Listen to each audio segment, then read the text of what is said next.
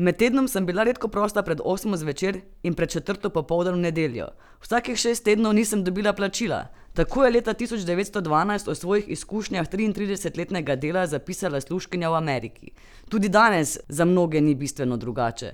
Na svetu okoli štiristo milijonov ljudi opravlja delo hišnega pomočnika ali osebnega negovalca, večinoma ženske. To pomeni, da so ali služkinje ali kuharice, varuške, guvernante, skrbnice, negovalke, perice. V Evropi naj bi ta dela po oceni Eurostata opravljalo okoli šestindvajset milijonov ljudi. Starajoča se družba pač terja svoj davek in potrebuje predvsem negovalce in skrbnike in plačana oskrba bo ostala pomembna zaposlitev, zlasti za ženske, pravi novo poročilo Mednarodne organizacije dela. Pri tem ne moremo mimo dejstva, da so ta dela pogosto najslabše plačana, opravljajo pa jih predvsem migranti. Mednarodna organizacija dela ocenjuje, da delo gospodinjskega pomočnika opravlja okoli triinpetdeset milijonov ljudi, kar je skoraj šestdesetodstotni porast od sredine devetdesetih let.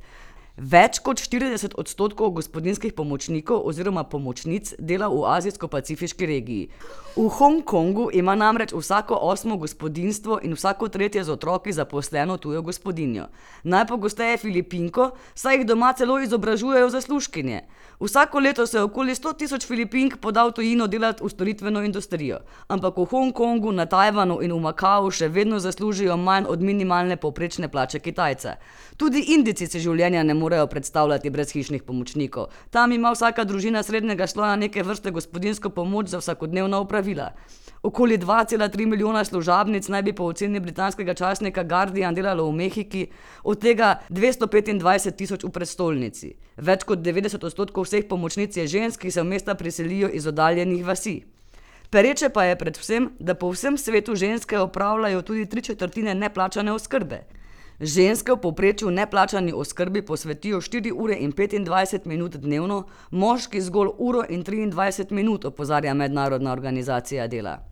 Starajočim se prebivalstvom in vedno bolj napornim življenjem se bodo tudi Evropejci v prihodnjih letih še bolj zanašali na pomočnike in negovalce.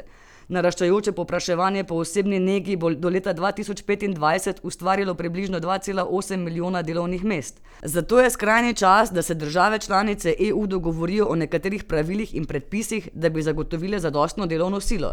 Pri tem bi morali zagotoviti tudi pravično plačilo.